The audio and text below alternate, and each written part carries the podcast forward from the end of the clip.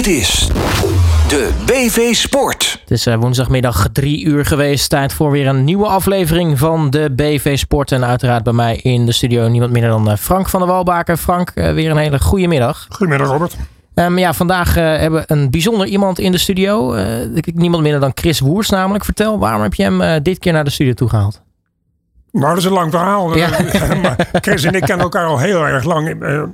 Chris heeft een indrukwekkende carrière achter de rug. Daar komen we straks ongetwijfeld nog wel even op terug. Maar hij werkte in de tijd bij het Heineken-concern. En Heineken was ook weer een van mijn klanten. Dus zodoende hebben hij en ik het een en ander meegemaakt aan hele leuke dingen. We zijn zelfs samen naar Thailand geweest om daar nog de mensen van Heineken te vertellen wat sponsoring eigenlijk is. En, uh, dus hij en ik hebben een verleden en Chris heeft sindsdien zijn eigen pad gekozen en is behoorlijk bekend geworden. Onder andere natuurlijk voor zijn optredens in, bij Johan Derksen en Gijp. Dus ik ben heel blij en voel me zelfs een beetje vereerd, Chris, dat je er bent. Dus heel leuk. Dat nou, is heel leuk om hier te zijn, moet ik eerlijk zeggen. Dus ik ben, zoals Frank zei, we zijn ooit een keer nog naar Azië gegaan, naar, naar Bangkok. Om ja. de Asian Games ook binnen te halen. Weet je nog? Ja. Als toen, als toen Carlsberg was daar Sparta van. Die probeerden wij voor de, ja, voor de poorten van de held weg te slepen. is niet gelukt, maar wel een hele leuke tijd gehad. Dus we kennen elkaar al inderdaad al uh, heel lang. Nou, zometeen uh, gaan we in ieder geval heel veel over die historie horen. Maar Frank, zoals elke keer beginnen we natuurlijk met een stukje nieuws. Ja, ik begin graag met goed nieuws. Het goede nieuws komt deze week uit Frankrijk, maar het gaat over Nederland. De 2024 Tour de France Femme, dus de vrouwenkoers, zal starten in Rotterdam, volgend, dus volgend jaar, 2024.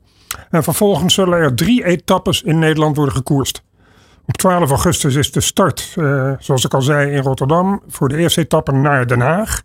En op de 13e, de dag daarna, is er een tijdrit, wederom in Rotterdam. En de volgende dag, de 14e dus, een etappe naar Dordrecht. Uh, de Tour de Femme eindigt op 18 augustus in Parijs. En de Tour de Femme volgend jaar vindt net plaats tussen de Olympische Spelen, die natuurlijk ook in Frankrijk plaatsvinden, Parijs.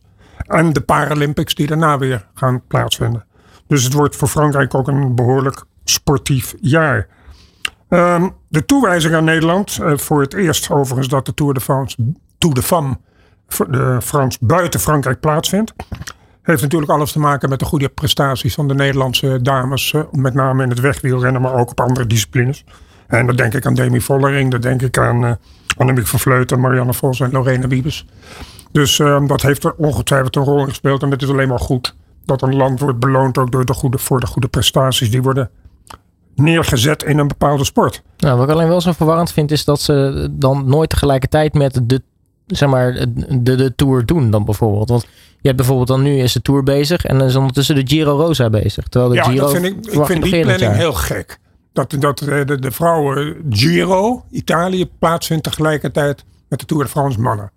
Ja, dat vind ik uh, van de UCI, hè, de internationale uh, wielerfederatie, vind ik dat ergens een onbegrijpelijk iets. Dat, uh, nou, wil je, toch... je nou zorgen dat de vrouwensport, waar iedereen vandaag de dag zijn mond vol over heeft, wil je dat er een, een, vorm van gelijkheid geven, moet je ze niet tegenover elkaar programmeren. Nee, dus ze spelen toch ook niet vrouwentoernooi van, van Roland Garros tijdens Wimbledon? Ja. Nee, het is hetzelfde. En daar kunnen we straks misschien ook nog wel even met Chris over hebben. Is dat toen de Nederlandse vrouwen in het kader van de voorbereiding op het WK een, een, oefenwedstrijd speelden tegen Polen, meen ik, was het. Een vriendschappelijke wedstrijd. Werd geprogrammeerd op een woensdagavond in Nederland. Tegenover een Champions League avond. Met Manchester City tegen geloof ik Real Madrid. Nou, waar de hele wereld natuurlijk naar kijkt. Dus dat, dan, dan, dan bevestig je in wezen dat het vrouwenvoetbal niet erg belangrijk is. Ja. Heel krankzinnig. Maar goed, dat even terzijde. We komen er straks ongetwijfeld nog op terug. Ik maak even de overstap naar Engeland. Het accountantsbureau BDO heeft een onderzoek gedaan en interessante informatie over vrouwensport gesproken. De, daaruit blijkt dat 29% van de sportconsument, van het publiek dus, meer geneigd is te kopen van bedrijven die vrouwensport sponsoren, ten opzichte van 17% dat doen voor de bedrijven die mannensport sponsoren. Dat vind ik wel een interessante. Uh, dus de, de, de beleving van de consument dat de vrouwensport moet worden geholpen, kennelijk, levert sympathie op, waardoor ze gauw geneigd zijn om. Dus dat vond ik best wel een opvallend resultaat. In datzelfde onderzoek blijkt dat 60% van alle ondervraagden vindt dat, er een, dat een sponsor van sport gelijkheid moet betrachten, dus zowel voor de mannen als voor de vrouwen in de gekozen sport. En diezelfde 60% vindt dat er meer aandacht van de sponsors zou moeten zijn voor de grassroots van de sport. Nou, dat is redelijk logisch uh, als je dat vraagt. Hangt er ook natuurlijk vanaf hoe je de vraag formuleert. Maar als je aan iemand vraagt, uh, moet er meer aandacht zijn voor de jeugd in de sport, dan zegt iedereen ja. Dus dat vind ik een beetje een gekleurd resultaat. Maar goed, dat even terzijde. Dat is vaak hè, met, met dit soort onderzoeken. Het is vaak wie, vraag je welke doelgroep heb je ondervraagd. Ja. En te vaak is ook de wens de vader van de gedachte met dit soort onderzoeken. Het zijn vaak gewenste uitkomsten. Ben ik helemaal met je eens. Wie is de opdrachtgever van het onderzoek? Ja. En de soort leading questions krijg je dan. Maar goed. Um, Saudi-Arabië wil ik het even over hebben. Daar wil ik het straks met Chris ook nog over hebben. Want dat is natuurlijk een land dat behoorlijk aan de weg timmert als je het over sport hebt. Um, maar dat het Saudi-Arabië menens is om de sport te gebruiken in de, noem het maar, de herpositionering van het land. Dat bleek al de afgelopen tijd via diverse, diverse acties in bijvoorbeeld de Formule 1, in golf, in voetbal en nu ook in tennis. Uh, het ging allemaal onder de vlag van het Public Investment Fund, dat PIF. dat onder leiding staat van de kroonprins zelf, hè, Mohammed bin Salman. En waar maar liefst 650 miljard dollar in kas zit. Nou, het is een bedrag dat je nauwelijks kunt voorstellen. Maar goed, om het nog maar eens even een soort meer structuur te gaan geven in kader van de sport, heeft de kroonprins besloten ernaast nu nog een nieuw investeringsfonds op te creëren. En dat is dan volledig gericht op sport. Uh, vreemd genoeg werd bij de bekendmaking van dit nieuwe fonds gesteld dat de aankoop van Newcastle United, hè, recentelijk voor 350 miljoen dollar, en de honderden miljoenen die de, dat PIF gestopt heeft in de Live Golf Tour, um, die, zijn, die vallen niet onder dit nieuwe fonds. Nou, wie het kan begrijpen, mag het mij uitleggen. Hoe dan ook, wel wordt gemeld dat voetbal, golf, tennis, de drie sporten, de speerpunten zijn van het nieuwe fonds. En dat moet dus gaandeweg gaan blijken uh, hoe dat zich gaat vertalen uh, in de sporten in dat land. Bedragen zijn vooralsnog voor het nieuwe fonds niet genoemd, maar we weten inmiddels dat daarin nauwelijks grenzen zijn dat Mohammed bin Salman diepe, zakken heeft. Overigens, als je het hebt over Saudi-Arabië, ik juich toe. Elke dollar die naar de sport gaat, juich ik toe. Um, de, dus iedereen die maar roept, als moment dat het woord Saudi-Arabië valt in sport, dan begint men al uh, in paniek te raken en begint men al te schreeuwen dat het allemaal foute boel is. Als Saudi-Arabië geld stopt in sport om de sport te ontwikkelen in een dergelijk groot land, dat nog redelijk onderontwikkeld is op het gebied van sport, dan zeg ik fantastisch. Maar als ze het, de sport gaan misbruiken om het land anders te positioneren, om, laten we zeggen, zelfs de, de wantoestanden die er toch nog zijn daar te bedekken of helemaal weg te stoppen, dan ben ik er uiteraard tegen. Maar dat zal redelijk logisch zijn en iedereen zal het daar waarschijnlijk wel mee eens zijn. Dan ben ik trouwens nog even benieuwd naar jouw mening. Want uh, hoe zie jij, wat, wat heb jij liever? Dat, dat, dat Saudi-Arabië, om nou, welke reden dan ook, die we waarschijnlijk toch wel weten, uh, veel geld in sport pompt? Of dat uiteindelijk heel veel private equity fondsen, wat je nu ziet, partijen uit Amerika die, die clubs kopen, waar het echt nou ja, puur gaat om het winstbejacht. Hè, dus er moet ook echt daadwerkelijk winst uitgehaald worden. terwijl je dat minder merkt bij die Saoedische partijen, die toch meer doen als uh, nou ja, een beetje goodwill kweken bij, bij de bevolking. welke dollar heb jij nou liever in, in de sport? Ja, kijk, ik, nogmaals, ik, ik, ik zit daar zelf ook af en toe in een spagaat. Maar als een, een Saudi-Arabië uh, enkele honderden miljoenen dollars betaalt om de Spaanse Cup Final in, in Riyadh te laten spelen. Dan, dan begrijp ik die clubs op een gegeven moment wel dat ze gaan voor het grote geld, want ze hebben, hebben het hard nodig. Aan de andere kant zeg ik van die clubs die zeggen ja, om het grote geld, maar die beschadigen daarmee wel de band met de fans. En ik vind dat uiteindelijk de band met de fans in de, elke sport, maar zeker ook in het voetbal, is de levensader van een club. En als je je gaat vervreemden, tussen aanhalingstekens van je fans, door een wedstrijd te gaan spelen in Saudi-Arabië, wat de fans niet kunnen betalen om daar naartoe te vliegen, dan, dan vind ik dat op glad ijs komen.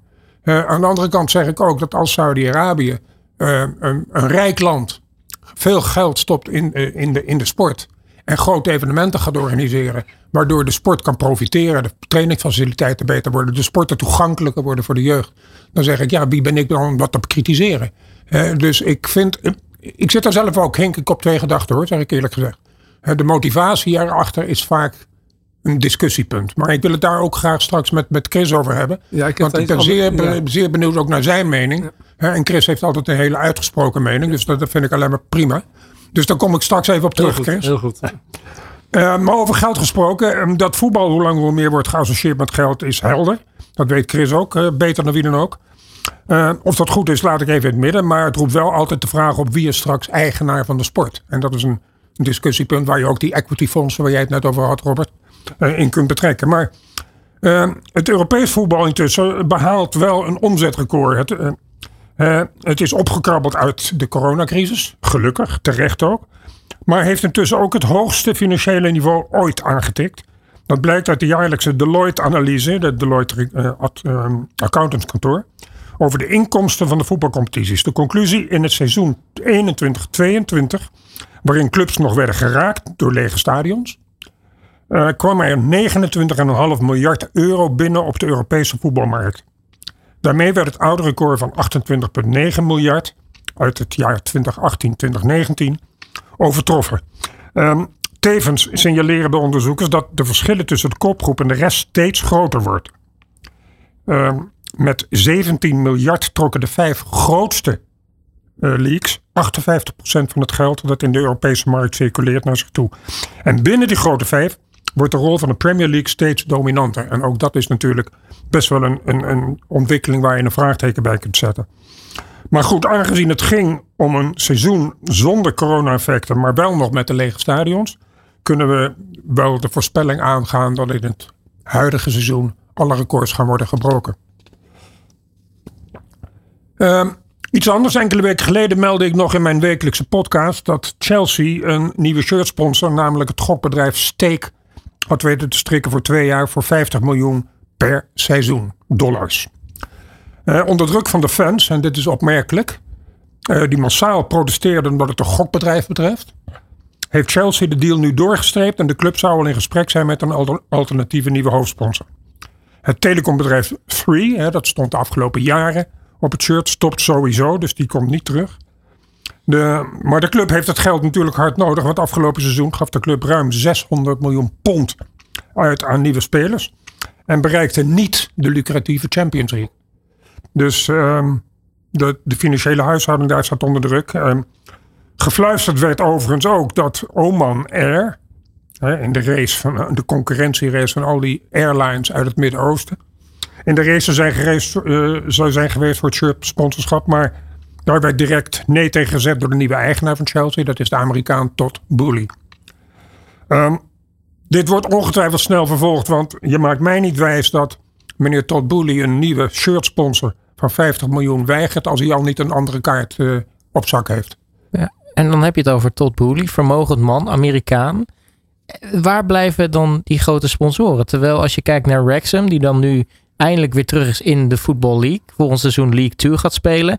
Eh, die bende met eh, de nieuwe eigenaren, natuurlijk bekende filmsterren, Ryan Reynolds, Rob McElhenney, ja. binnen gewoon partijen als Delta Airways aan zich vast. Ja. En dat zijn toch, ja, als je het toch over airlines hebt in plaats van Oman Air, eh, toch wel eentje van misschien iets meer faam en naam. Ja, maar ik denk dat met het Wrexham verhaal, ik denk dat daar ook een enorme sympathiefactor speelt. Het is, het is een jongensboekverhaal. Ja.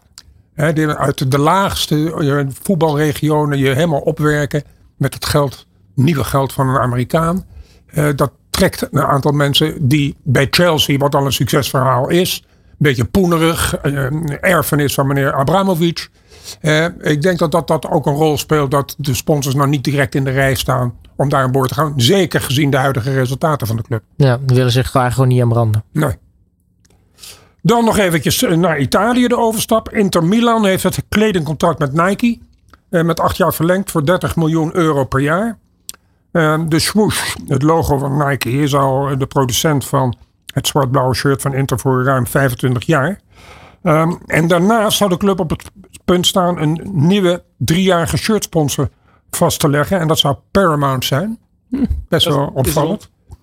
Is rond. Het is al, rond. En naar verluid zou dat voor omgaan om 40 miljoen euro per jaar. Uh, het helpt kennelijk ook als je finalist bent geweest in de Champions League. Want dat is natuurlijk bij Inter het geval. Dan, uh, Chris, uh, interessant voor jou ook om te weten, als je het lang, niet al lang weet. Uh, Coca-Cola heeft besloten om naast Nike de belangrijkste commerciële partij te worden in de Amerikaanse voetbalbond, US Soccer. Het partnership eh, is vooral gefocust op het verder ontwikkelen van de snel groeiende populariteit van het voetbal in de Verenigde Staten. Dat mag duidelijk zijn.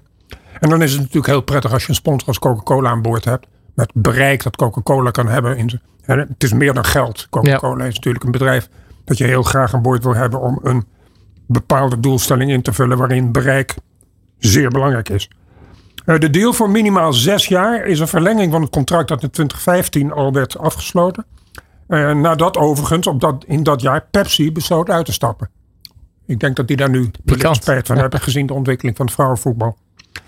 Um, zoals bekend is Coca-Cola op veel fronten actief natuurlijk in het voetbal. Niet in het minst via de al langlopende overeenkomst met FIFA, de Wereldvoetbalbond. Um, en de nieuwe overeenkomst gaat per direct in en zal dus ook gelden voor het aanstaande wereldkampioenschap dat volgende week gaat beginnen in Australië en Nieuw-Zeeland. Um, de, de Amerikaanse ploeg, de huidige wereldkampioen, kan daar dus op twee fronten scoren. Ze zijn uh, nu uh, partner van Coca-Cola. Coca-Cola is partner van FIFA en ook partner van de ploeg. Dus uh, nou, bedragen zijn niet genoemd. Maar we praten hier natuurlijk over een miljoenen situatie. En de, de, FIFA-deal van Coke is zeker in de orde van grootte van 50 miljoen. Ik weet niet of Chris het daarmee eens is. ja, zeker. Minimaal. Ja. Als ze het doen bij Coca-Cola, weet ik, ik heb er zelf gewerkt, dan doen ze het goed en groot. Ja. En dan is geld eigenlijk geen probleem. Nou, dat, tot, tot slot nog even over minuutjes. Uh, je kent Robert, dan sluit ik meestal af met Formule 1. Uh, de Formule 1 kalender van 2024 is bekendgemaakt. En dat zal een recordjaar worden ten aanzien van het aantal raceweekends, namelijk 24. China is weer toegevoegd aan de kalender. Dat stond er een tijdje niet op vanwege corona. Uh, de races in Bahrein en Saudi-Arabië zullen in 24 op zaterdag plaatsvinden in verband met de Ramadan. En dat is dan beter kennelijk uh, in het kader van de belevenis van die Ramadan. Er is geen plaats kunnen, is er gevonden voor Zuid-Afrika. Die stond wel op de nominatie, maar dat is nog niet toegekend. Zandvoort staat natuurlijk weer gepland. Net als dit jaar voor het weekend van eind augustus, 25 augustus. En de eerste race in 2024 is op 2 maart in Bahrein, gevolgd door Jeddah in Saudi-Arabië. Um, een week later. En het WK 2024 eindigt in Abu Dhabi op 8 december als je het nou hebt over uh, een bijdrage leveren aan de samenleving en een bijdrage, een bijdrage leveren aan de het klimaatsituatie en de CO2-situatie, zou je toch zeggen dat Abu Dhabi, Jeddah, Jeddah en Bahrein allemaal in één blok zou zitten. En dat er niet maar heen en weer gevlogen wordt, zoals nu ook weer het geval is geweest. Er werd even naar Canada heen en weer gevlogen en weer terug naar Europa. Dus ik, ik begrijp die planning nog steeds niet helemaal van dat Formule 1 circus van, door Liberty Media. Maar dat, uh, komt we misschien ooit nog eens te weten. Dan tenslotte nog even een nieuwtje. Het Formule 1-team van Alpine uh, scoort een primeur. Het team heeft een sponsorschap getekend met Amazon Music. En is daarmee de eerste in de Formule 1 die een streamingdienst vastlegt als sponsor. Het is een verlengstuk van de deal die Amazon al had met Alpine's moederbedrijf uh, Renault. over de lancering in de tijd van de mu muziekstreamingdienst in de Renault topmodellen. Dat was een soort extraatje, een verkoopargument om een Renault te kopen. Eh, de Amazon branding staat nu op de beide Alpines en op de helmen van Pierre Gasly en Esteban Ocon. Bedragen zijn niet, niet genoemd, maar neem van mij aan, als je het hebt over de exposure op de auto's en op de helmen, dan praat je toch wel gauw over minimaal 5 miljoen per jaar. Dat is het wat het nieuws betreft. En dan nu na muziekje gaan we in de slag met Chris. Zeker. Nou, dus uh, zo meteen weer terug. Dit is de BV Sport. En de B-Sport, uh, daar luister je naar vandaag. Uh, dus te gast bij ons niemand minder dan Chris Woerts. Chris, nogmaals natuurlijk welkom in de studio. Bekend terrein. Bekend terrein. In Hilversum. Ja, wat, als we het daarover hebben, als het gaat in jouw carrière. Jij hebt hier sowieso één heel vaak rondgelopen. Um, maar überhaupt, als ik even een paar bedrijven op, opnoem waarbij je voor gewerkt hebt. Nou ja, Heineken, Coca-Cola, BVO's, zoals Feyenoord, Sunderland, Eredivisie, noem maar op. dat, dat, dat, er zijn weinig mensen die volgens mij zich zo gelukkig mogen prijzen met een rijtje werkgevers als jij. Ik heb gelukkig ben ik opgegroeid in een periode waarin je minder werd afgerekend op wat je gestudeerd had of welk assessment je gehad hebt, maar meer werd afgerekend op wat je doet. Ja, als, nu, als het nu, ik zou nu nooit meer bij Heineken terechtkomen, omdat ik het niet geschikt ben voor allerlei assessments. En toen de tijd, toen bij Heineken ging werken, had ik een briefje geschreven naar Heineken. Ik denk, ik drink het, dan kan ik ook beter ook maar gaan werken. En het was een tienregelig briefje.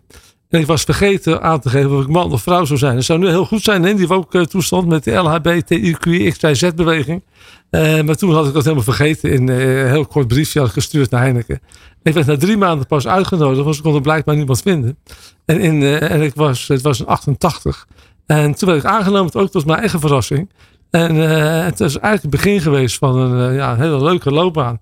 Maar als je nu gaat solliciteren bij Heineken, dan moet je denken, ik ben zes maanden bezig met invullen van formuliertjes. Moet je zeven rondes door? Zeven rondes door. Je moet, uh, toen, toen, moet ik eerlijkheidshalve zeggen, bij Coca-Cola was het toen ook al heel streng.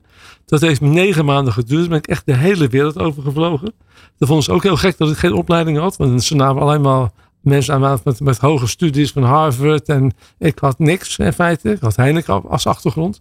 En ik ben naar Atlanta geweest. Ik ben in Zwitserland geïnterviewd. Ik ben in Londen geweest. Ik weet ik waar ik geweest ben. Parijs. En iedere keer kwam ik door de volgende ronde heen. En uh, dat hele traject heb, heb, ik nog twee keer nee gezegd. Maar ik vond het geld te weinig. Ik denk, nou, de Amerikanen, daar kan wel, kan wel wat bij. Je natuurlijk geen CEO. Om te handelen iedere zes maanden je eigen salaris. Uh, en toen werd ik ook aangenomen daar. Dus uh, dat zou nu ook ondenkbaar zijn. Dus ik heb ontzettend veel geluk gehad. En af en toe moet je ook een beetje geluk hebben. Maar ook gewoon dingen doen. En dingen uh, ontdekken en dingen veranderen.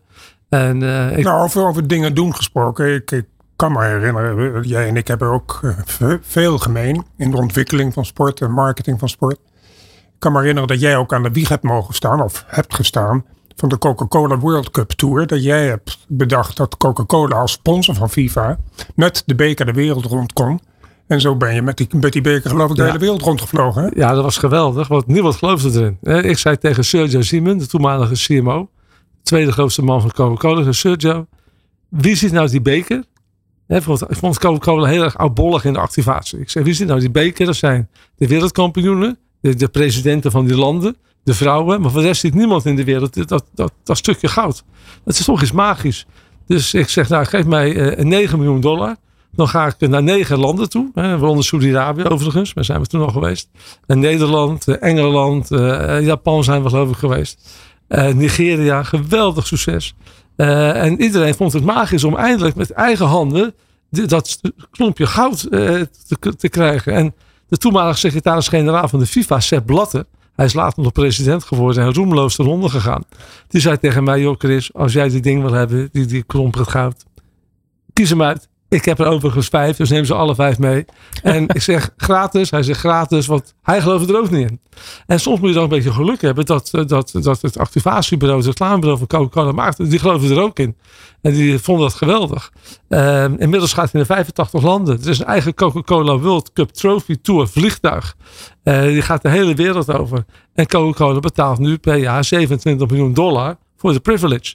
En dat heb ik op bedacht, want ik was in mijn eentje in Amerika het gezin was in Nederland gebleven. En ik denk, ja, wat gaan we nu doen voor activatie? Dus ik heb dat, ik zag die beker en denk, ja, misschien moeten we daar eens mee doen. Dat is gewoon spontaan bedacht. En uh, gepitcht bij het reclamebureau van Coca-Cola. Die, die, zeggen, nou, dat gaan we doen. En de rest is history. Dus dat zijn dingen uh, wat je vaak, een beetje geluk, en dingen gewoon doen. Hè? Dus niet te ingewikkeld maken met allerlei PowerPoint presentaties en dikke, dikke eh, Excel spreadsheets die je tegenwoordig ziet.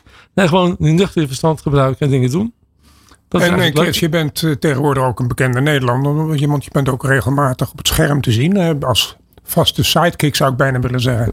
In het programma van Johan Derksen en uh, Gijp. Hoe ben je daar zo terecht gekomen? Dat is eigenlijk wel grappig. Ik koop al twaalf jaar lang voor Talpa de, de, de sportrechten in. Dus uh, je van Champions League nu Conference League en Europa League. En toen hadden we die coronacrisis. En toen vroegen ze op de redactie, ja, wie kan iets vertellen over de impact van die crisis op betaalde voetbal? Toen dacht Jan Helenius, toenmalige uh, eindredacteur, hoofdredacteur. En die dacht, joh Chris, kun jij iets gaan vertellen? Ik denk, jeetje, tv, weet je, dat uh, is nogal een uitgesproken programma. Ik was wel groot fan van het programma. Ik ken Johan trouwens ook wel heel lang. Um, die gaat nog heel lang terug. Dus ik denk, nou, prima. Dus ik ben er gaan zitten. Ik heb op mijn eigen, eigenwijze manier eh, de mijn mening gegeven. En dat werd gewaardeerd. En daarna kwam ik met allerlei nieuwtjes. Want er was ook heel veel wisselingen van de wacht in de, in Eredivisie met clubdirecteuren die vertrokken. Nou, toen kwam ik ook nog een keer met wat nieuws af en toe. En dat ja, was een goede chemie aan tafel. Ik ben redelijk uitgesproken. Je moet op tv, dat zal Frank beamen, moet je niet nou, met mailen in je mond praten. Je moet wel een mening hebben. Want vaak wordt, wordt als mensen op televisie komen, dan weigeren ze iets te zeggen. Dat is zo prachtig. Uh, uh, buiten de studio hebben ze de grootste mond. Zodra de microfoon aangaat, dan zie je mensen helemaal verkrampen. En ik heb daar gewoon moeite mee. Ik, eh, als ik iets vind, dan vind ik iets. En uh, vaak had ik ook leuke primeurs. Hè? Het, weggaan van Ziggo, bij, van Ziggo de Formule 1 rechten. En dat die naar Viaplay gingen. Ja, dat was wel een, was echt een groot nieuws. Hè. Dat was ook alle kranten overgenomen. En Wil Moerder, de toenmalige baas van Zeker Sport, belde hem op. Hij zegt, wat verdomme, zegt hij. Wat een lul. Je hebt ons mij grote de problemen gebracht. Want hij had zijn personeel niet geïnformeerd. Dat deed hij pas de volgende dag. Ik zei, ja, heel, als twee mensen iets weten, is het geen geheim meer. Dus, dus dat is ons zo beetje terechtgekomen eigenlijk. En dat is eigenlijk uitgegroeid tot, eh, tot wat het nu is. We gaan het vooral hebben over uh, voetbal. Chris, dat zal je niet verbazen. dat is toch ook jouw nummer één sport en uh, waar je ook met name kennis en kunde in kunt etaleren. Wat vind je van het huidige voetballandschap? Om, om, eens te beginnen met het neus van de zon. Wat vind je van de Champions League? Nou, Champions League is echt, denk ik, zo gegroeid tot het echt het meest toonaangevende voetbaltoernooi ter wereld op clubniveau. Uh, volgend jaar nog één jaar het oude format. Uh, in 24 gaat het naar, meer clubs. Uh, meer, meer wedstrijden voor de clubs. er gaat nog meer geld in om. de rechten zijn verkocht in Nederland aan Ziggo. Voor het dubbele bedrag wat er nu voor wordt betaald. Dus die hebben flink in de buidel getast. En dat is ja, de Champions League is een neusje van de zalm. FIFA probeert het nu een beetje te imiteren met de nieuwe Club World Championship vanaf 25. Met uh, ook eens van 32 clubs, dacht ik, met uh, eh, 12 eh, clubs uit Europa. Maar Champions League, en ik weet nog goed, ik denk dat jij er ook bij betrokken was bij Heineken, dat we dat moesten pitchen bij Heineken voor, voor het meedoen aan de Champions League met Amstel. Want Amstel was een beetje het B-merk van Heineken, maar er moest een vitaliteit in komen. En toen ging ik naar de toenmalige raad van bestuur toe. Toen zeiden ze, wat is dat centrale marketing? Dat bestond helemaal nog niet. Nu weten we het allemaal. Maar toen was het eigenlijk helemaal nieuw. En toen moesten we gaan pitchen. En toen zei uh, Karel Vuursteen, de toenmalige bestuursvoorzitter, zeg ja, geloof jij erin? Ja, ik geloof er wel in, maar geloof tot de deur, want het bestaat niet. Het is nieuw, het is helemaal, er komt klassieke muziek, het is, uh, de hymno is anders, de, de dynamiek is anders. Uh, ik denk dat het wel, uh, wel zal werken. Nou ja, de rest is history. Want Heineken is sinds 93 sponsor. En ze zijn nog steeds sponsor. En ze hebben net weer verlengd voor drie jaar. En toen betaalden we 7 miljoen Zwitserse franken. En nu betaalt Heineken rond de 120 miljoen euro per jaar. Zo. Dus dan kun je ook nagaan. Het is ook veel groter geworden in, in, in Azië. Heineken heeft dat ook wel grappig over de World Cup Trophy Tour. Dat heeft Heineken uh, keurig gekopieerd zonder mij ooit te bedanken. Maar ze gaan nu met de Champions League Trophy. Doen ze ieder jaar een tour door Azië. Dat hebben ze al ja, maar, eh, maar wat vind je van het, uh, het, het constant terugkerende, sluimerende initiatief van de clubs, de Super League. Wordt dat ooit nog realiteit? Of denk jij dat het een, een doodgeboren kind is? Ja, ik denk dat de clubs wel willen in hun hart. Ik denk dat als je naar de clubs individueel vraagt, wil een Super League, zeggen ze allemaal ja. Want zij irriteren zich maatloos aan het feit dat de UEFA zich overal mee bemoeit en de, en de gelden afroomt. En die zegt, de grote club zegt, ja, waarom moet ik een club in Albanië mee profiteren van mijn bekendheid? Maar dat is de solidariteitsgedachte van UEFA. En ik denk dat dat goed is. Um, dus ze hebben toen helemaal verkeerd aangepakt. Dus, dus bij de lancering. Dat was echt dramatisch. Dat is marketing van, de, van kleuterschoolniveau. Dat hebben ze echt dom gedaan. Maar ik denk, als je in het hart van de clubs kijkt, dan zullen ze zeggen: geef mij maar een NBA-model. Of geef mij maar het NFL-model. In plaats van het feit dat je ieder jaar onzeker is of jij speelt. Chelsea, is een mooi voorbeeld, heeft niet gekwalificeerd. Dat scheelt zo rond de 100 miljoen. Ja. Je kunt geen begroting bouwen op drijfzand als je niet zeker weet dat je gaat kwalificeren. Dus de clubs willen meer stabiliteit en zekerheid. Daarom hebben ze ook nu de Champions League groter gemaakt. En dat wordt op een gegeven moment, als de vliegtuigen sneller gaan vliegen, als de, de, de, de, de, eh, clubs groter worden, ook qua, qua spelersaantallen. Maar zul je zien dat er komt een keer een moment dat clubs zich afscheiden. Want dat vergeet ook iedereen. Je hoeft niet mee te doen met de Champions League. Je wordt uitgenodigd. En als jij het formulier niet invult, dan doe je dat jaar niet mee. En iedereen denkt dat je automatisch meedoet. Maar de moet, wordt gewoon gevraagd, wil jij meedoen? Dus als al die clubs een jaar zeggen, we doen niet mee. Dan is er geen Champions League. Zo simpel is het. Maar ik denk dat de solidariteitsgedachte, ik denk dat dat wel belangrijk is om te benadrukken. De clubs onderling met de ECA, de European Club Association, die is wel nu zo van overtuigd ons. Wij gaan met meer clubs spelen komt twee keer zoveel geld binnen. Dus we gaan het eh, iets anders verdelen. Dus de clubs, grote clubs krijgen meer geld. En dat dat wel een goede gedachte is. Ja, Chris, jij zegt uh, marketing van, uh, van, van kleuterschoolniveau. Hadden ze iets anders kunnen doen? En zo ja, uh, hoe zou jij dat bijvoorbeeld aanpakken? Had het dan misschien wel een kans van slagen gehad? met die lancering? Nou ja, zoiets moet je heel goed voorbereiden. Dat, dat, dat zal Frank Bamer, daar ben je jaren mee bezig. Die moet een plan lanceren. Ze hadden geen eens briefpapier. Ze hadden geen logo. Ze hadden eigenlijk niks, niks afgestemd. Het was puur paniekvoetbal.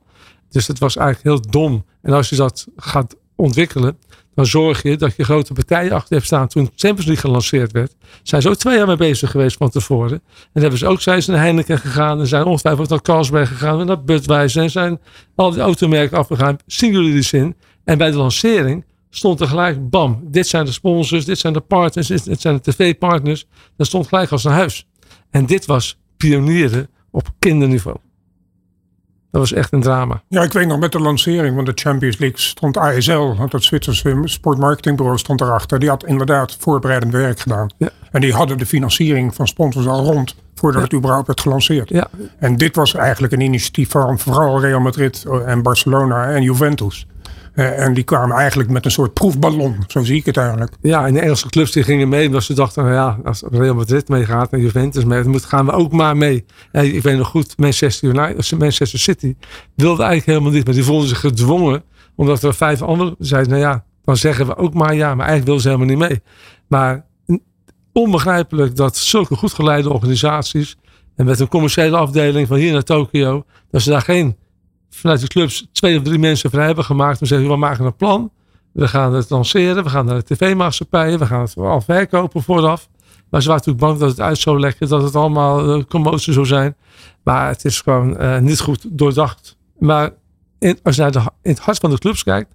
Dan zeggen ze wij willen meer zekerheid over de speeldagen, meer zekerheid over onze inkomsten per jaar.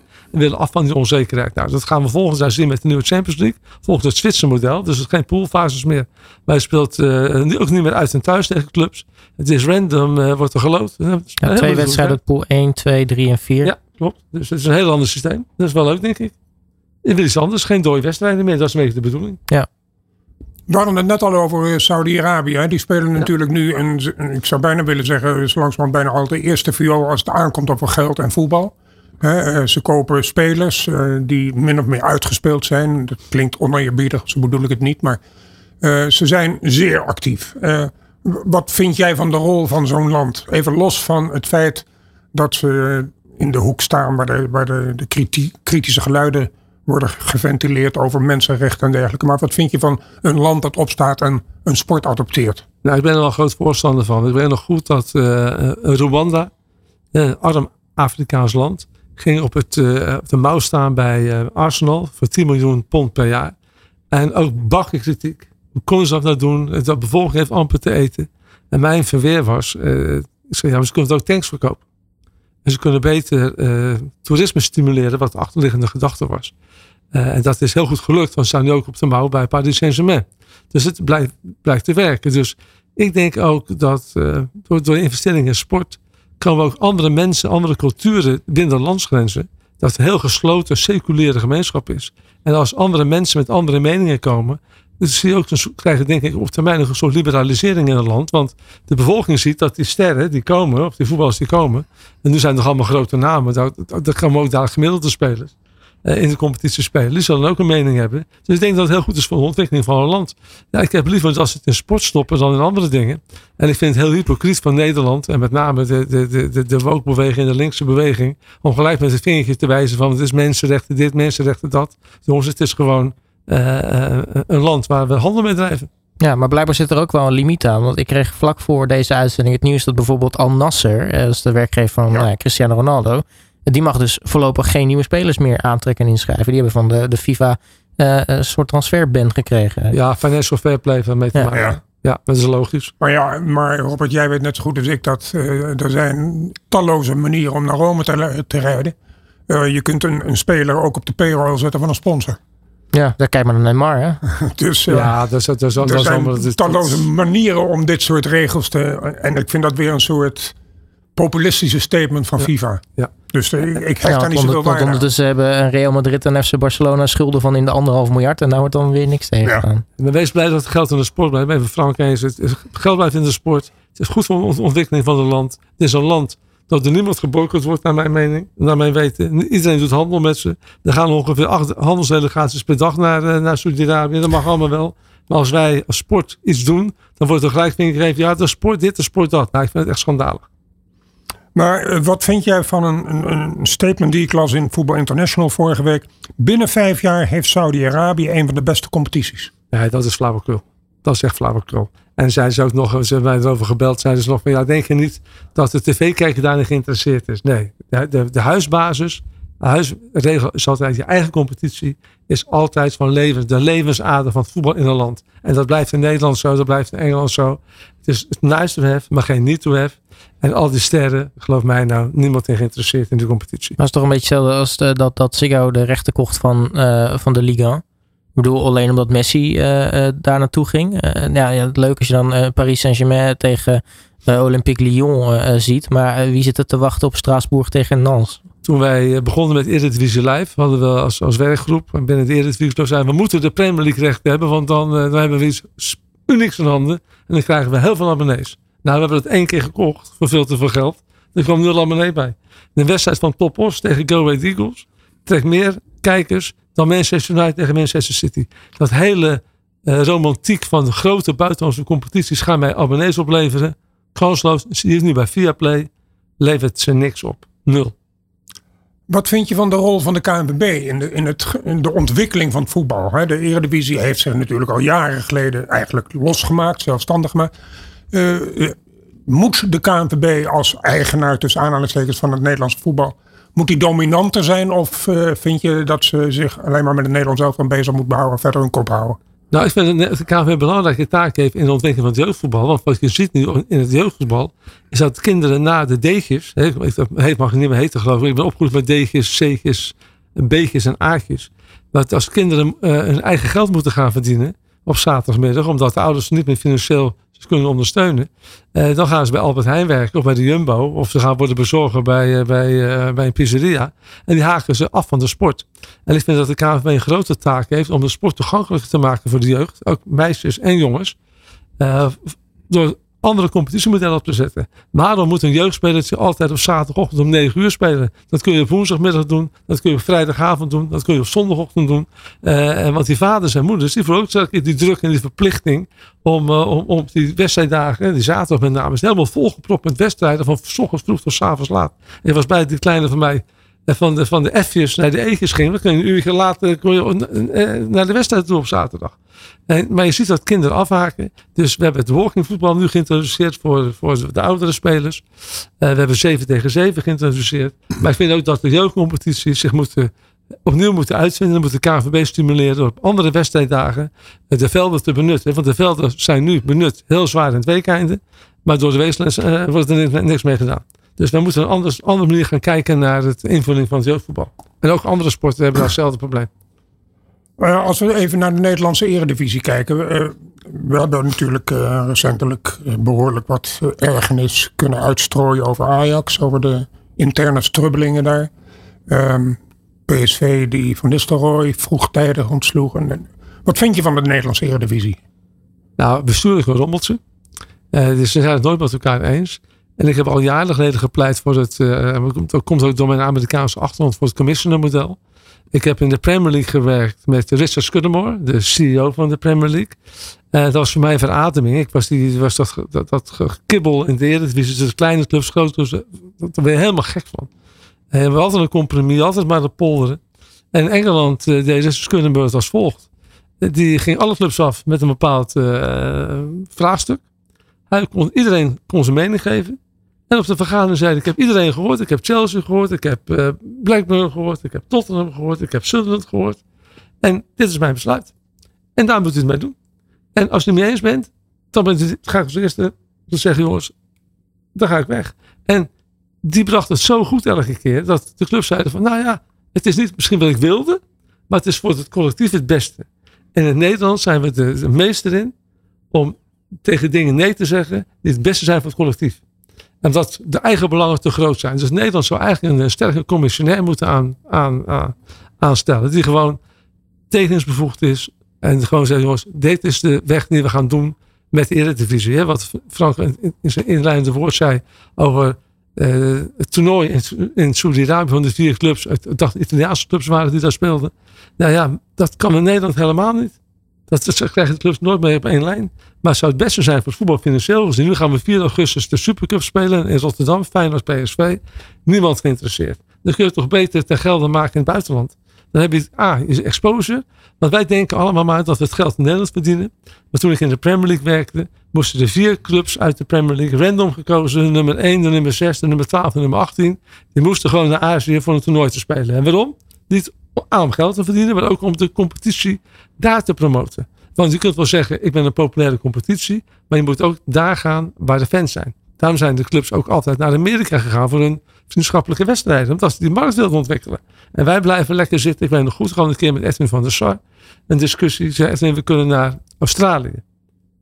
Hij zegt, dat vind ik fantastisch idee. Hij, zei, hij was er zelf met zijn vrouw geweest. Een rondreis gemaakt. geweldig land. Sportland op en top. Gaan we doen. Ik zei, nou is mooi. Want Tottenham gaat ook. En ik was mee met het vliegtuig naar Tottenham. En dan komt hij twee weken later bij me terug. Hij zegt, ik krijg het er niet doorheen typisch Nederland. De medische staf is een te zware belasting voor de spelers. Nou ja, jongens, lachwekkend. Dat vind ik echt lachwekkend. Dan denk ik, jongens, eh, je hebt een grote mond over ontwikkelen internationaal van je merk. Maar je blijft zitten in je eigen kikkerlandje. Je moet naar buiten toe om het te ontwikkelen. Even iets heel anders, wat, wat, wat, wat mij altijd uh, bezighoudt. Is, we, we zien, in, uh, als we het Europese voetbal bekijken, zien we in een land als Spanje dat het eigenlijk altijd gaat tussen Barcelona, Real Madrid en misschien Atletico. We zien in Duitsland dat het altijd gaat over Borussia eh, en, en over Bayern. We zien in Frankrijk dat het Paris Saint-Germain is en misschien Marseille en misschien Lyon. We zien in Engeland de gebruikelijke top van City en United en Liverpool, misschien Arsenal. Um, ben jij een voorstander van invoeren van salary cap in het voetbal, waardoor het mogelijkerwijs spannender wordt en de nummer 1 kan verliezen van de nummer 18? Nee, ik denk dat het uh, historisch bepaald is dat we in Nederland een top 3 hebben. En AZ schuurt er een beetje tegenaan. Maar ik denk dat dat uh, onmogelijk is. Iets ook in de MLS hebben ze ook een soort van salary cap. Maar dan mogen dan weer twee of drie spelers mogen, vallen daar niet onder die salary cap. Daarom gaat Messi ook naar Miami nu. Dus ik denk dat het gewoon uh, is. Je moet zorgen dat je je jeugdopleiding goed op orde hebt. Dat je talent laat doorstromen. En dat je het, uh, dat je het goed voor elkaar hebt intern. In, in, in, in je met je spelers, je selectie, je jeugdopleiding, je faciliteiten. Dat is het belangrijkste. Maar ik denk dat je wel een tendens krijgt dat de competities ingekrompen gaan worden. De Ligue 1 in Frankrijk gaat van 20 naar 18. Dat is niet, niet voor niks. Engeland die hebben zoveel wedstrijden. Die gaan misschien niet inkrimpen in, in, in, in aantallen clubs. Maar die gaan wel bijvoorbeeld FA Cup replays afschaffen. Dat, dat moet, er moet ruimte in de kalender komen. En ik ben de grootste voorstander van in Nederland. Om veel strengere licentie-eisen toe te passen. Als je geen stadion hebt boven onder de 15.000. Kom je, kom, in. Je moet gewoon palen per stellen aan wie er kan instromen. Dat is heel, dat is niet populair. En ik vind denk ook dat Nederland te groot is nu voor 18 clubs en dat we terug moeten naar 16 clubs. Naar grotere stadions, naar, naar professionalisering op alle niveaus. Want dan word, ga je ook internationaal meer meetellen. En wij zitten nog veel te veel. Uh, prachtig hoor dat, dat, dat, dat Almere is gepromoveerd. Maar het is natuurlijk een stadion van 4000. Als je dat, dat, dat slaat natuurlijk eigenlijk nergens op. Hoewel ik veel respect en bewondering heb voor hoe ze dat gedaan hebben bij Almere. Rustig bouwen, keurig netjes. Niet, niet buiten de lijn gekleurd. Geen gekke dingen gedaan. Dat was keurig. Nou, 16 clubs is Nederland het maximum. We hebben het net ook al even uh, gehad over de vraag die bij mij in ieder geval zeer nadrukkelijk constant naar voren komt. Is wie is straks eigenaar van het voetbal? We zien dat met name uit equity fondsen, uit Amerika, maar ook andere, uit andere hoeken. Zien we hoe langer hoe meer investeringen komen in uh, met name het Europese voetbal. Daar is kennelijk dus nog veel geld te verdienen. Uh, ben jij bang voor deze ontwikkeling? Vind je dat, of vind je het een goede ontwikkeling? En in wezen daarop volgende vraag. Is succes, sportief succes, is dat te koop? Nou, om laatste beginnen. Sportief succes, succes is te koop. Dat is goed beleid. In Engeland, als je, toen ik bij Sunderland werkte, hadden we een begroting van rond de 180 miljoen pond. En dan wist je, we gaan tussen de 12e en de 18e plaats spelen. 20e plaats spelen. Dus had je een slecht jaar. Sunderland had een heel slecht jaar gehad. Eh, toen ik weg, eh, twee jaar nadat ik weg ben gegaan, zijn ze gedegradeerd. Maar toen ik er was, hebben ze keurig zesde en een keer achtste geworden. Dus maar er moet wel goed beleid zijn. Hè? Er moet een goede trainer zijn. Er moet stabiliteit, stabiliteit zijn in het bestuur. Alle neuzen moeten dezelfde richting op. Dan is succes te koop. Manchester City was een hele kleine club vergeleken met Manchester United. Maar ook door rustig te bouwen. Niet, niet ook gekke dingen gedaan. Ze hebben veel geïnvesteerd. Daar is met succes mee te koop, zeker. Maar aan de andere kant, uh, als je kijkt naar internationale ontwikkelingen. Uh, als je zegt van ja, we moeten salary caps, we moeten meer gelijkheid creëren. Ja, zo zit dat niet in elkaar in Europa. Ik vind wel dat, dat private equity. Heel veel clubs hebben private equity binnengehaald. De MVV en, en dan Den Bosch, Drama, ADO. Niks van gezien nog dat, wat op enige positiviteit wijst. En die hebben allemaal, ik heb al die businessmodellen gezien. En ze zijn maar op één ding gebaseerd. Transferinkomsten. het enige model wat ze, wat ze hebben. Ze hebben een spreadsheet. We hebben uh, Frank van der Walbaken als jong talent. Die uh, zet ik in de boeken nu voor 8, 8 ton. Maar Frank gaat zich zo ontwikkelen. Die gaat weg voor 16 miljoen. Maar wel dat nummer, is nummer, nummer 10 hè? Nummer wel nummer 10. Ja, met mid, mid, mid. Geen probleem. Spelverdeler. Belangrijkste speler in het spel. En dat is, en daar is het op gebaseerd.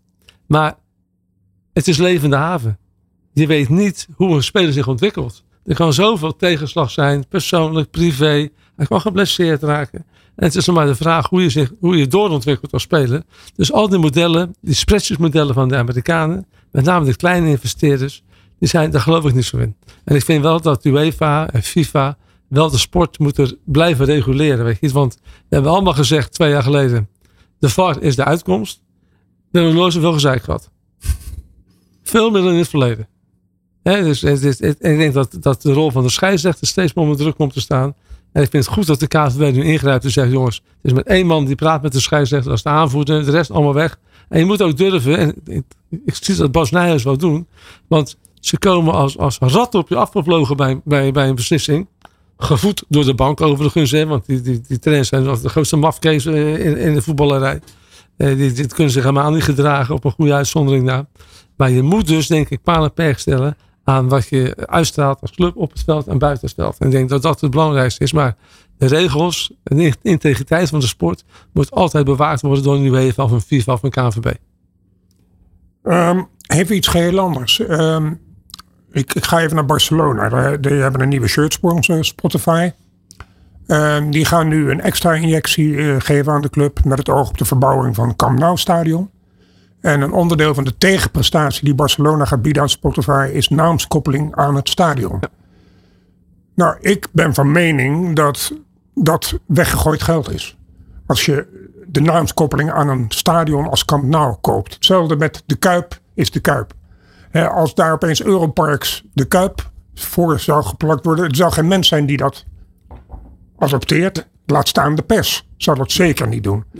Dus hoe, sta jij ten opzichte van de naamskoppeling aan gevestigde stadions? Uh, er zijn twee, twee afwegingen erbij als een sponsor zijnde. Hoeveel traffic genereert het? Kijk bijvoorbeeld het bingo stadion van ADO. Dan kan ik me eens wel voorstellen. Er rijden gewoon 400.000 uh, wagens uh, per week doorheen. Weet je, dan zie je van de naam. Maar bij Nou Kamp, dat is een smal straatje. Er rijdt geen wagen doorheen. Dus dat is hobbyisme van de CEO. Want die is helemaal gek van Barcelona. Want ik heb met hem gesproken uh, in het kader van, van Formule 1. Ik vond het wel leuk om hem te koppelen aan Max Verstappen. En daar vond hij niks. Hij wilde per se voetbal in. Hij was een heel groot fan van. Want dat is vaak, het is nog steeds zo dat vaak ego gedreven is. Dit soort beslissingen. En Spotify gaat er geen streaming uh, abonnementje meer op verkopen. Ik vind überhaupt al. Ze doen er ook heel weinig mee. Je, hebt, je, je, hebt geen spelers. Uh, playlist of andere, andere leuke dingen. Ze doen er heel weinig mee. Ik zie dat echt in Amerika is het heel normaal dat naamgeving van stadions geaccepteerd worden. Dat is heel groot. In Europa ik, moet je een, een, goede commerciële afweging maken. Levert het mij voldoende op in, in, in, in mediawaarde om het te doen. Maar in een verlaten wijk en die naam op een stadion plakken, weggegooid geld.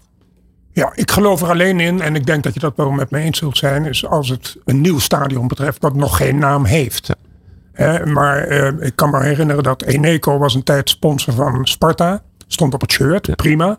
En toen wilden ze het kasteel omdopen in het Eneco-stadion. Maar dat hebben ze één jaar geprobeerd, maar dan zijn ze zich onmiddellijk weer teruggetrokken. Nee, en wij zijn heel conservatief in dit soort dingen. Wij kasteel zijn is het kasteel. kasteel. De Kuip is de Kuip, de Arena is de Arena, weet je. Dus dat gaat niet meer veranderen. Dat is ook onnodig. Dus het is vaak dan vanuit een sympathieke gedachte van we doen het om de club verder te helpen. Maar je moet het niet afschrijven en waarderen op media. Ja, het kan alleen werken als je bijvoorbeeld in de Arena Johan Cruijff dan is het ook weer de emotie en dan wordt het wel geaccepteerd door de fans. Ja, dat is goed gedaan. Ja. Maar en een naamskoppeling dan van een sponsor. Maar eh, neem bijvoorbeeld Allianz als voorbeeld. Die hebben de Allianz Arena, München. Ja. Die hebben het Allianz Stadium Juventus. En die hebben de Allianz Riviera van OGC Nice. Ja. Maar werkt dat dan ook nog steeds nou, bij je drie stadions het, Omdat zij de eerste waren. Ja. En dat was nieuw. Dus het had nog geen andere naam. Maar ik zie het bij Nice zie ik het niet werken. En ik zie het bij die andere. Ja, Juventus. Bij Juventus zie ik het ook niet werken. omdat dat zo gevestigd is, dat stadion. De fans die er rot op met die commerciële naam. Nou, weet je wat grappig is? Dit wordt bedacht door marketingmensen. Die denken, joh, we gaan in vijf steden gaan we de naam koppelen aan de stadion. Dan hebben we vijf keer zoveel impact. Dan hebben we vijf keer zoveel. En dat wordt allemaal bedacht door mensen die, die ver weg van de realiteit staan. Ja. En dat wordt dan vanuit het marketingbudget uh, wordt het. Maar zonder dat er enige onderbouwing is. Ja, een spreadsheet is heel geduldig. Hè. Je kunt natuurlijk een spreadsheet alle getallen invullen die je wilt. Dat zie je heel vaak. Het zag je bij het Feyenoordstadion. Er was een fantastische begroting gemaakt. Maar met prijzen voor skyboxen, voor seats en voor, voor, voor uh, seizoenkaarten die totaal onrealistisch waren. Maar het weet een Amerikaan veel wat die, wat die, hoe dat werkt in Europa. Ja. Dus die gelooft dat wel. Ja. Chris, we kunnen nog uh, uren doorpraten, maar we zijn er alweer bijna alleen. Maar ik wil het in ieder geval toch nog even met je hebben over de, de, de voetbalrechten, de rechten voor de eredivisie. He, want de, het huidige contract met ESPN, dat loopt af. Ja. Um, hoe, wat is jouw visie? Hoe gaat dit zich ontwikkelen? Ik denk dat het heel dom zou zijn. En gelukkig hebben de clubs uh, beter ten, ten halve gekeerd dan ten hele gedwaald. Hebben de clubs nee gezegd tegen het bod van ESPN. Dat was gewoon geen goed bod. Uh, je kunt ook afvragen of het bod van het consortium met Ziggo, T-Mobile, KPN en Delta ook goed was. Dat kun je afvragen. Maar ik denk dat uh, een keuze uit één is geen keuze, heb ik altijd geleerd. En ik denk dat het heel goed is dat de clubs nu een rustpauze hebben ingelast. Ze hebben overeenstemming over de verdeelsleutel, over de verdeling Europese gelden. Er is geen enkele noodzaak om nu een besluit te nemen. En ik denk dat de clubs volgend jaar gaan tenderen. En ik vind het het meest zuivere is als iedere aanbieder, of het nu Ziggo is, ESPN is, Fireplay is, uh, Sky Showtime, noem maar op. Die een eerlijke kans krijgen om te bieden. Hou het, hou het best uit de markt. En nu is een situatie dat, Ziggo, dat ESPN alles heeft. Alle wedstrijden van heel de competitie. En ik zie wel gebeuren dat er pakketten komen waar je uit, kunt kiezen. pakket A is alles.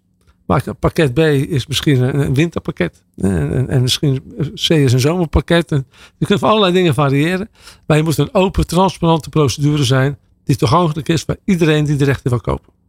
Je noemt in je rijtje even Fireplay. Uh, acht je dat als een mogelijkheid gezien hun problemen tussen aanhalingstekens op dit moment uh, in überhaupt de organisatie van Fireplay en of ze überhaupt de Formule 1 rechten bijvoorbeeld behouden? Ik denk dat volgende week 20 juli dan gaat de nieuwe CEO en de nieuwe CFO uh, hebben een analistencall.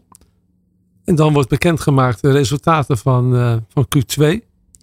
En ik denk dat daar een harde boodschap zal volgen. Dat het eigenlijk uh, niet rendabel is wat ze nu doen.